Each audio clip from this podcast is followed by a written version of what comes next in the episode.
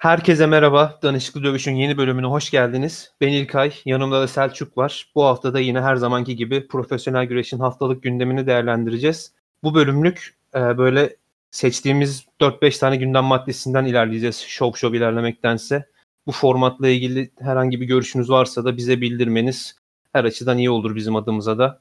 Ve dediğim gibi her hafta profesyonelgüreş.com'a bu konuları ve çok daha fazlasını tartışmak için üye olmayı unutmayın diyerekten SmackDown'la başlayayım. SmackDown'daki önemli olay Daniel Bryan'ın kovulmasıydı. Roman Reigns'le e, bir şampiyonluk maçına çıktı ve SmackDown'daki kariyeri ortadaydı Daniel Bryan'ın. Roman Reigns tertemiz kazandı ve Daniel Bryan'ı SmackDown'dan kovdu. Ne düşünüyorsun Selçuk? 205 Live'da başarılar diye esprimizi yaparak şöyle bir girelim. Onun haricinde yani fazlasıyla tatmin edici. Oldukça keyifli bir maçtı. Ee, yani aldığı süre açısından da ring içinde gördüğümüz işler açısından da bitişi açısından da sonrası açısından da son, yani sonuç sonucu açısından da burada sonuçtan kastım işte Reigns'in temiz bir şekilde kazanması ve Bryan'ın da kovulmasını kastediyorum. Ee, yani bu kadar temiz bir iş çıkmasını ben beklemiyordum. Edge'in ortaya çıkmasını bekleyenler vardı. Yani o da mantıklı geliyordu ama oralara da girmeden e, böyle temiz bir hikaye yazmaları bence oldukça olumlu bir iş. E, yani Reigns ile ilgili gerçekten benim artık e, WrestleMania yayınından sonra söyleyecek çok da bir şeyim yok. E, kaybetmesi için hiçbir sebep yok ve bu şekilde devam etmeli. Bilmiyorum artık orası drag mı olur yolun sonu, başka bir şey mi olur? Hiçbir fikrim yok şu an için. Belki Big E bile olabilir, bilmiyorum ama uzun bir süre daha devam etmesi gerektiği çok açık. İnanılmaz bir özgüven, inanılmaz bir aura, değişmiş müziğinde. Yine sen de değinirsin yüksek ihtimalle. Benim hoşuma gitti şimdilik. Ama yani sıkmaması önemli tabii o tür işlerde. E, Brian özelinde yani bilmiyorum bana bu kovulma senaryoları biraz WWE içerisinde yani kayfabe namına pek bir şey kalmadığı için hmm, ucundan da olsa biraz zorlama geliyor. Tabii Brian bu tür hikayeleri işler hale getirmede sorgulanmaması gereken bir adam. E, buraya girerken de illaki aklında bir fikir vardır diye düşünüyorum. E, NXT ihtimali bir ihtimal masada. Yani Rav'ın düştüğü hal ortada belki orayı toparlamak için oraya gidiyor olabilir. Belki artık yani sözüne ne kadar güvenilir bilmiyorum ama gerçekten sözleşmesi bitiyor da olabilir. Ki son haberlere göre bitmiyor ama bilmiyorum. O kendisi açıdan da de, yani, kendisi de bilmiyor gibi peki o konuda. Sen konuşurun sen devam et de. Ee, yani meraklı değilim açıkçası ama yani daha doğrusu heyecanlı değilim ama meraklıyım diyeyim. Gelecekte yaşanacaklar açısından. Ya kendisi de bilmiyor diye daldım az önce. Abi adam 2-3 gün önce sözleşme Eylül'de bitiyor. Bakacağım ne yapacağımı falan diye açıklama yaptı. 2-3 gün önce dediğim WrestleMania'dan önce bu arada. Zaman kavramıyla bir iki sorunumuz var. İşte neyse geçen de çıkmış işte 2 Mayıs tarihli bir haber. Eylül'de falan bitmiyor sözleşmem. Geçen sözleşmem Eylül'de bitiyordu. İnsanlar öyle düşündü herhalde o yüzden falan diye kandırdım falan yapmış. Ya kendi de pek emin değil gibi artık hani daha rahat bir kontrat mı koparmaya çalışıyor bu AJ Styles'ınki gibi yani. veya para mı nedir gitmek mi istiyor bu ne bileyim ek bir şey mi istiyor artık anlamış değilim. Yani Neyse, bu senaryodan ek bir şey çıkacağı bence açık şey yani direkt hikaye açısından ek bir şey çıkacağı açık. Ama bir yerde de yani Brian'ın part-timer'lığa geçiş olarak da yani net bir şekilde geçiş olarak da görebiliriz bence. Bundan sonra yaşanacakları. WWE'de kalırsa eğer tabii. Yani muhtemel. Ben maçı da çok beğendim. Şarkıyı da başta böyle bir alakasız buldum. Ya dedim Roman Reigns'in karakteriyle bunun ne alakası var dedim. Sonra dinledikçe aşırı hoşuma gitmeye başladı ve sabah kalktığımda WWE içindeki en iyi şarkıydı benim için muhtemelen. O açıdan çok beğendim yani bir kafama takılan Roman Reigns tertemiz yendikten sonra hiç o Cesaro'ya, Jey Uso'ya falan girmeseler miydi sorusu geldi. Ama yani o da hani vardığı son ile tatmin etti beni. Maçı çok ya beğendim. Jimmy Uso öldü mü kardeşim diye bir çıkış yapalım şöyle. Yeniden bıraktım sözü sana. O bir geldi sonra geri gitti. Kafes maçından sonra falan o Hell in Cell'deki maçtan sonra. Harbi nerede o adam acaba? Hamit Altın top sakatlığına yakalandı ya. e, maçta işte hikayeyi beğendim. Hani Roman Reigns'in bu Superman Punch ve Guillotine için kullandığı eline çalıştı sürekli. O omuzuna doğru çalıştı Daniel Bryan. Zaten bu konularda kendisinin maharetine söyleyecek söz yok. Onu gösterdi yine. Maçta gayet güzeldi. Gerek Roman Reigns'in güçlü gösterilmesi, gerek Daniel Bryan'ın o savaşçı dediğimiz tırnak içinde kimliğini göstermesi açısından tertemiz bir işti gerçekten. Bitmesi gereken sonuçla bitti. Olması gereken oldu. Yani SmackDown'un en dikkat çekmesi gereken olayıydı ve başardı. Hatta tek dikkat çeken olayıydı muhtemelen.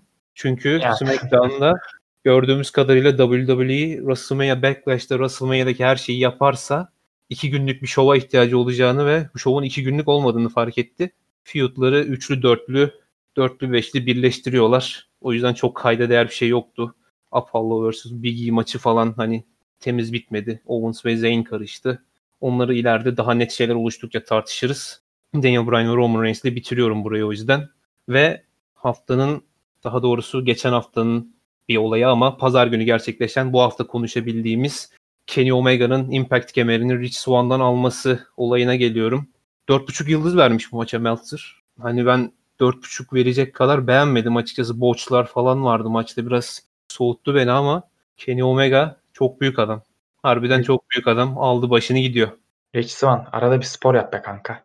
Adam adam artık taping maçta güreşmekten ringe çıkmayı unutmuş ya. Yani ciddi kondisyon sıkıntısı çekti bence ama maç özelinde yani sonuç maçıydı sonuç olarak. Çünkü Omega'nın yani bu hikayeye hala giriş aşamasındayız. Her ne kadar e, AEW kemerini almasının üzerinden 6 aydan fazla bir süre geçse de. E, o yüzden ben biraz daha sonuç odaklı bakıyorum ama maç özelinde de hoşuma gitti yani benim. E, bu collector işi her ne kadar Omega AEW kemerini kazanalı 6 ay olsa da yani collector hikayesinin hala giriş aşamasında olduğumuzu söylesek pek de yanlış olmaz diye düşünüyorum. O açıdan e, sonucuyla değerlendirmek maçı dediğim gibi bence daha doğru bir yaklaşım burası için. Ee, tabii burada ulaşabileceği maksimum seviye herhalde yeniden e, Japonya'ya dönüp IWGP kemerini oynamak olur belki bilmiyorum. E, salgın kısıtlamaları ne kadar el verecek ama e, bütün WWE dışı güreş aleminin ana noktasının bu hikaye olacağını en kısa zamanda söylemek pek de yanlış olmaz herhalde bu saatten sonra.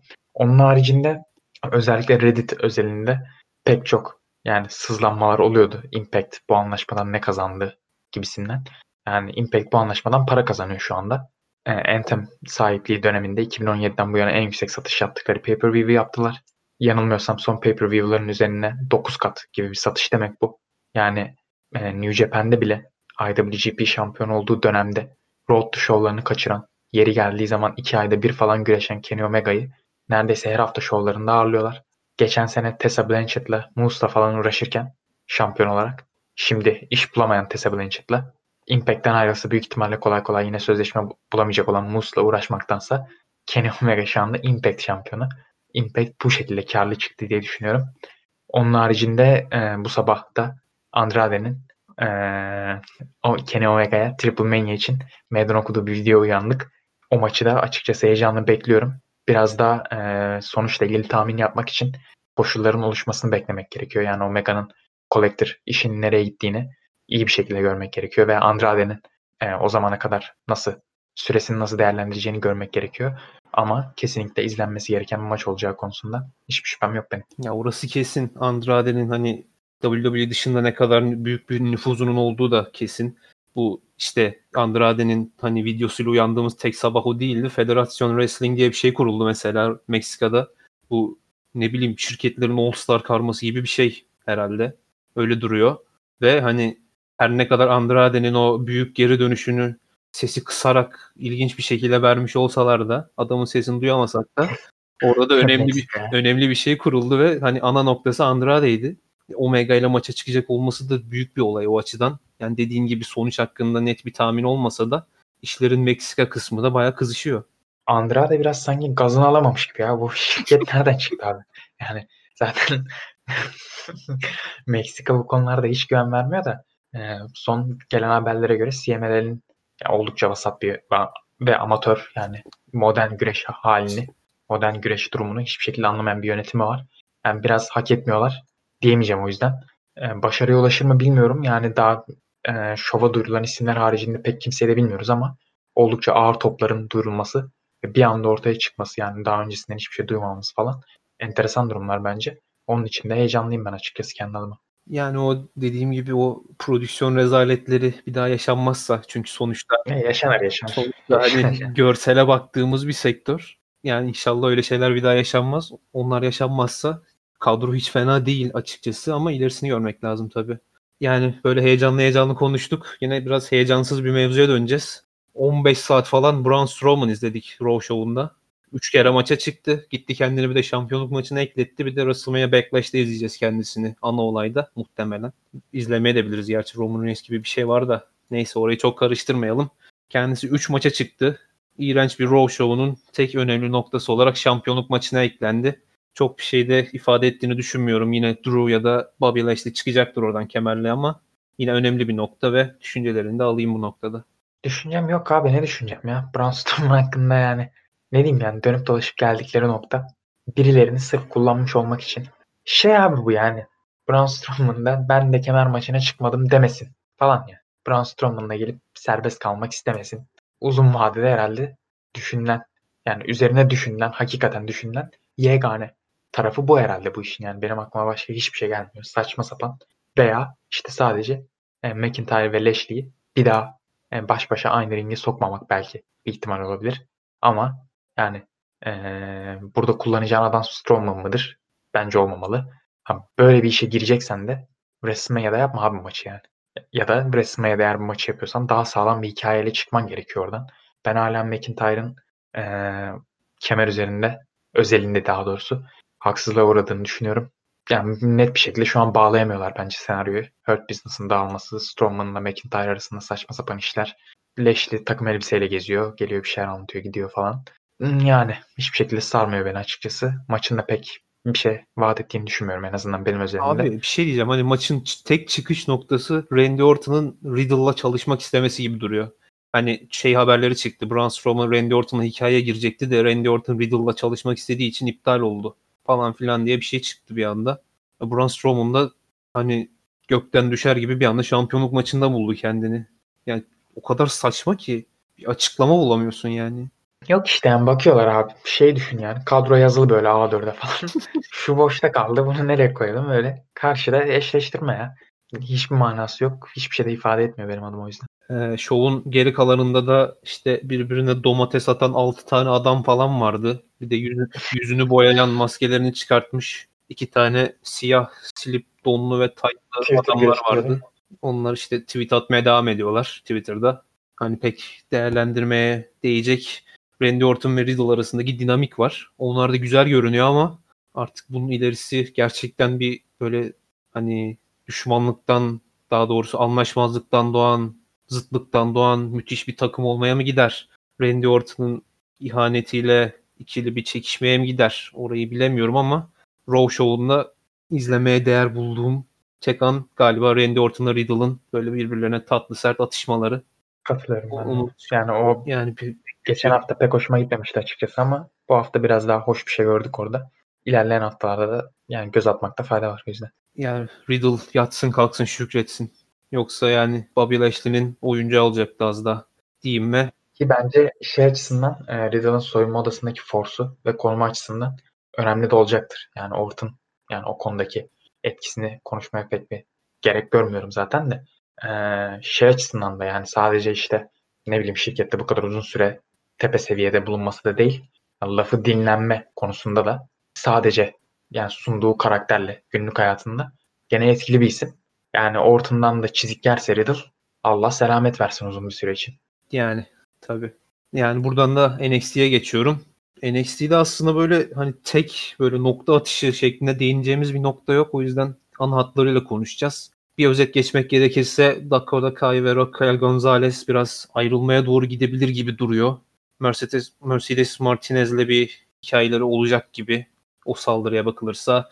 Dwayne gene nüfuzu çok net bir şekilde görülüyor şovda. Ted DiBiase kesin olarak göründü Cameron Grimes'in yanında ve şovun en iyi anıydı bence. Ee, Adam Cole geleceğe dair hiçbir ipucu vermediği 5-6 dakikalık bir röportaj verdi. Hiçbir şey anlaşılmadı röportajdan. Yani onun, onun içinde ileriki şovları görmemiz gerekecek. Bir de Santos Escobar'a iade itibar gibi bir şey yaptılar. Kushida ve MSK'yi mahvettiler ekibiyle birlikte. Genel olarak hani böyle iğrenç bir şov olmasa da öyle ekstra ekstra bir şey de görmediğimiz bir şovdu. Bilmiyorum sen de pek ilgilenemedin galiba şovla yoğunluğundan ötürü ama değinmek istediğim bir şey varsa alayım. Yani seninle konuştuğumuzda senin söylediğin bir şey vardı sanırım. Yani ee, hala bir şeyleri ilerletme aşamasındalar. Yani booking kısmında. Dolayısıyla e, ara ara AEW'nun düştüğü hataya düştüler. Yani, şova hiç özel bir şey koymamak biraz bence sıkıntılı bir durum. Bu herkes için geçerli. Yani haftada bir o ekrana çıkıyorsan evet yani süreç içerisinde olma durumunu anlıyorum ama e, en azından bir iki bir şey oraya atmak gerekiyor diye düşünüyorum. Ha kötü bir şey olmuydu? Bence kesinlikle değildi. Ama yani işte burada konuşacak bir şey bulamıyor oluşumuz üzücü bir durum bence. Ya işte main event'teki maç çok güzeldi. Escobar'ın hani ne kadar iyi bir güreşçi olduğunu hatırladık Allah'a şükür. Kushida'ya dümdüz maç kaybedecek kadar Pete Dunne'a yenilmiş Kushida, Kushida'ya dümdüz maç kaybedecek kadar kötü bir adam olmadığını fark etmiş olduk. Çok ihtiyacı vardı o galibiyete ve diğer ilgimi çeken noktada Ted DiBiase dediğim gibi. Yani işleri bir tık ileri atmak için yaptıkları bir şovda ileriki şovlara bakmak gerekiyor yine. Bunu ne kadar sık kullandığımı şu an fark ediyorum ama durumda öyle açıkçası. Ve AEW'ye geçiyorum. AEW da aynı şekilde genel olarak değerlendireceğiz. Çünkü aşırı kayda değer bir şey orada da yoktu. Ee, açılışta çok hani böyle şaşırtıcı bir maç vardı. Brian Cage Adam Page'i yendi. Ee, Young Bucks ve SCU arasında bir atışma oldu. SCU takım listesinde birinci sırada olduğu için. Inner Circle ve Pinnacle arasındaki görüşme gerçekleşti. Ee, Kenny Omega biraz yerlerde süründü. Moxley ve Eddie Kingston karşısında. Cody Rhodes geri döndü. Miro artık yumruğu vurdu. Kip Sabian'a saldırdı ve main event'te Darby Allin 10 adlı niye böyle bir isme sahip olduğunu anlamadığım Preston Vance diye tanıtabileceğimiz güreşçiyi yendi Dark Order üyesini. TNT kemerini korudu. Bu da böyle bir şey oldu yani. Benim açıkçası biraz daha hoşuma gitti ya AEW. Ne yalan söyleyeyim. Yani zaten e, benim zevklerime hitap etme konusundaki görüşlerimi paylaşmıştım ama e, bence açılıştaki sonuç yani şaheser demeyeyim de acayip bir şey ya. Yani inanılmaz derecede kitledi e, o kemer sahnesini ve bence böyle bir şeyde ihtiyaç vardı çünkü işte orada yani Team Tez'in içi karışacak mesela bir defa. Biz bu hafta için biraz daha ayrılık bari bir şey bekliyorduk belki main event'e doğru. Ama maçı açılışta tercih ettiler. Ve işte Ricky Starks'ın yenemediği Hangman'i Brian Cage yenmiş oldu. Her ne kadar maç önü saldırısıyla da yense yenmiş oldu ve e, Page yanılmıyorsam birinci sırada yer alıyordu kemer adaylığı için. Ve işte orada oradaki hikayede bir giriş yaptılar yani Hangman ile Omega arasında. Ama Hangman'ın Omega'dan korkması gibi bir durumda biraz çekinmesi gibi bir durum söz konusuydu. Ee, oranın karışması bence e, Double or Nothing yaklaşırken oldukça olumlu bir durum. Çünkü görmemiz gereken maç Page ve Omega değil bence şu aşamada. Oraya direkt Brian Cage'i mi alırlar? Başka birisini mi alırlar? Christian'ı mı sokarlar? Bilmiyorum. Onun için heyecanlıyım. Ee, Young Bucks SCU'dan devam etmek gerekirse yani SCU'nun yanlış hatırlamıyorsam yani yanlış hatırlıyor olabilirim ama 2020 senesinde sıradan bir e, YouTube'daki Dark bölümünde başlayan hikayesinin Young Bucks'la kemer maçına çıkacak, çıkarak sonlanacak olması bence hakikaten takdir edilmesi gereken bir iş. Young Bucks'ın da e, bu girdiği heel hallerini net bir şekilde altını çizecek ve artık e, geri dönülemeyecek bir netliğe kavuşturacak bir iş olarak görüyorum burayı. Onun haricinde yine olumlu bir diğer şeyden bahsetmek gerekirse herhalde Inner Circle Pinnacle promosu son zamanlarda izlediğim en inandırıcı, en gerçekçi, en ikna edici promolardan bir tanesiydi. Herkesin performansı ayrı ayrı çok iyiydi. Wardlow belki konuşmadı ama yani maçta çok dehşet şeyler yaşatacak gibi hissediyorum. Ee, nasıl 2020'nin Mart ayında e, gerçi Mart ayı da değil sanırım Revolution'dan önce olması muhtemel. E, Cody ile çıktı kafes maçı ilk maçı güzel hatırlanıyorsa Wardlow denince akla gelecek ikinci bir maçın e, Blood and Guts maçı olması muhtemel gibi gözüküyor önümüzdeki hafta izleyeceğimiz. Onun haricinde e, Santana'nın promosunu da oldukça beğendiğimi söyleyebilirim. Ondan da yine maçta epey bir beklentim var. Apayrı bir karizması var yani herifin. Ve e, onu fark edip kullanmaya doğru emin adımlar atıyorlar. Aynı şekilde Dex Harwood'un yine Santana'yı çoğunlukla karşısına aldığı promo acayip bir işti bence yine. E, Spears için artık bunun bir son şans gibisinden bir şey olduğunu düşünüyorum. Yani Pinnacle genel olarak artık bir son şans da ben kendisini beğensem de bir yerde de bir kanıtla kendini artık ve e, Blood and Guts'ta onun adına büyük bir fırsat olarak görüyorum. Jericho ile MJF ise söyleyecek pek bir şey yok yani. Ne diyebilirim ki yani 10 üzerinden 12'sine de MJF'in o tansiyonlu konuşmaya gerek bile yok. Jericho'nun heel hali benim için her zaman face halinden daha iyi ama artık bu veteranlığın da getirdiği yani çoktan veteran ama AEW için de apayrı bir yetkisi var diyebiliriz herhalde. Ee, o konumun getirdiği, o tecrübenin getirdiği yetkinlikle burada da face olarak da bence oldukça ateşli diyeyim artık. Yani biraz çeviri bir kelime gibi olacak ama oldukça sert bir promo kestiğini düşünüyorum. Ee, bir diğer olumlu işte benim adıma Miro'ydu. Yani e, gerçekten önceden çekilecek bir segment nasıl çekilmeli konusunda bütün şekillere ders olacak nitelikteydi. Sondaki o artık psikopatça sarılışı veya sevginin teselli edişi falan filan da enteresan şeyler izledi- izleyeceğimizi gösteriyor benim adıma. Bu e, kemerle, ödülle kafayı bozma durumu biraz kolaya kaçma gibi geliyor açıkçası. Özellikle WWE'nin Prize Fighter Kevin Owens denemesinden sonra. Ama e, Miro'nun biraz daha kendi hikayesinde direksiyonu kendisinin direksiyonun başına kendisinin oturduğunu söylemek pek de yanlış olmaz gibi duruyor. Dolayısıyla orada ortaya çıkacaklar açısından da ben ümitliyim. Bilmiyorum sen ne düşünüyorsun genel olarak? Ya ben genel bir şey değinmek istiyorum buradan da bağlayarak. AEW hani böyle her zaman bahsediyoruz. Sürekli böyle hani işleri uzatalım, biraz uzun vadeye yayalım falan filan diye diye güreşçilerini artık insanların sıkılacağı, izlemekten bıkacağı hale getiren bir şirkete dönüşmüştü. Bu pandemi döneminden itibaren özellikle. Hani o havayı atıyorlar biraz. Mesela yoktan var ettikleri çok fazla insan var bu şovda. Brian Cage mesela Adam Page'i yenene kadar bence hiçbir etkisi yoktur o kadroda ve şu an bir anda ya ana kemere mi gidecek acaba bir daha falan diye bir hani düşüncemiz var. SCU desen öyle. Hani artık kariyerlerinin sonuna geldiler. Bunlar emekli olmuyor mu denen insanlar Young Bucks'ın karşısına kaliteli böyle hani konuşmaya değecek seviyede bir rakip olarak çıkacaklar.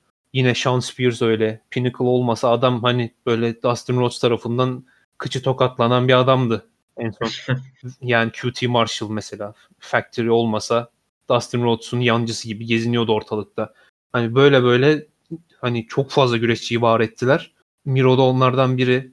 Kip Sabian'la ayrılma süreçlerini ben bir ay olarak biçiyordum. Bilemedin iki ay diyordum. Çok daha uzun sürdü ama en sonunda şu Miro'ya kavuştuk mesela ve şu an bir kemer maçına çıksa şu söylediklerinin ardından ve o kemeri alsa atıyorum hani Darby Allin'i bir anda yok etse yoktan böyle Brody Lee'nin Cody'yi yok etmesi gibi kimse şaşırmaz ve kimse ne oluyor lan demez yani. O açıdan hani çok hoşuma gidiyor açıkçası. Zaten uzun zamandır beklediğimiz bir şey. Miro'nun potansiyeli ortada. Bunun ne kadar az kullanıldığını düşündüğümüz ortada. O açıdan bayağı mutlu oldum. Bu hani genel fotoğraftan da o yüzden genel olarak mutluyum.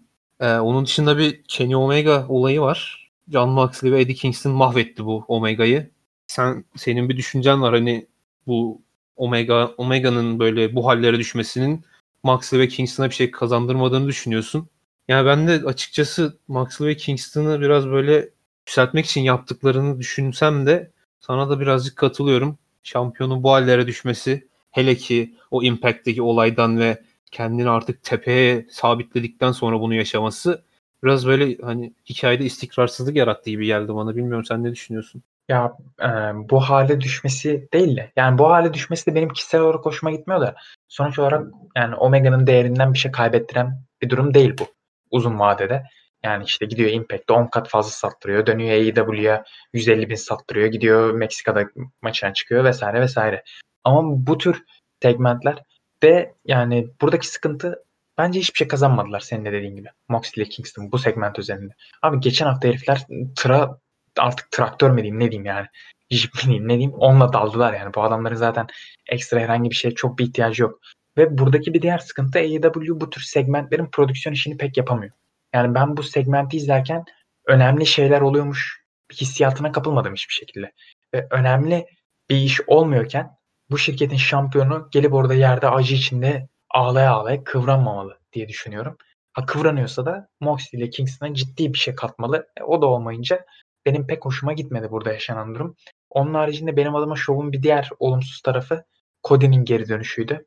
Yani Cody'nin dönmesinden mutlu oldum. O hikayenin e, ayaklarının yere daha sağlam basacak olmasından da mutlu oldum. Ama yani özellikle önceden çekilmiş şovlarda yine o prodüksiyon kısmına geleceğim. Abi ayarlayıverin ya o işi de. Yani Cody otobüsün başında çıkmış taunt atıyor tak bir anda kesiliyor maç duyuruluyor tak bir anda bambaşka bir şeye dönüyor. Linkte bir şey görüyoruz tak bir anda arka alana geçiyoruz falan. Yani o saniyelik işler belki onlar ama benim adıma yani izlenemez kılmıyor ama e, o yapmacıklık hissi pek hoşuma giden bir durum değil. Cody de yani ne bileyim soyunma odasında dönmüş gibi oldu benim açımdan. Ee, orada pek bir heyecan yaşayamadım.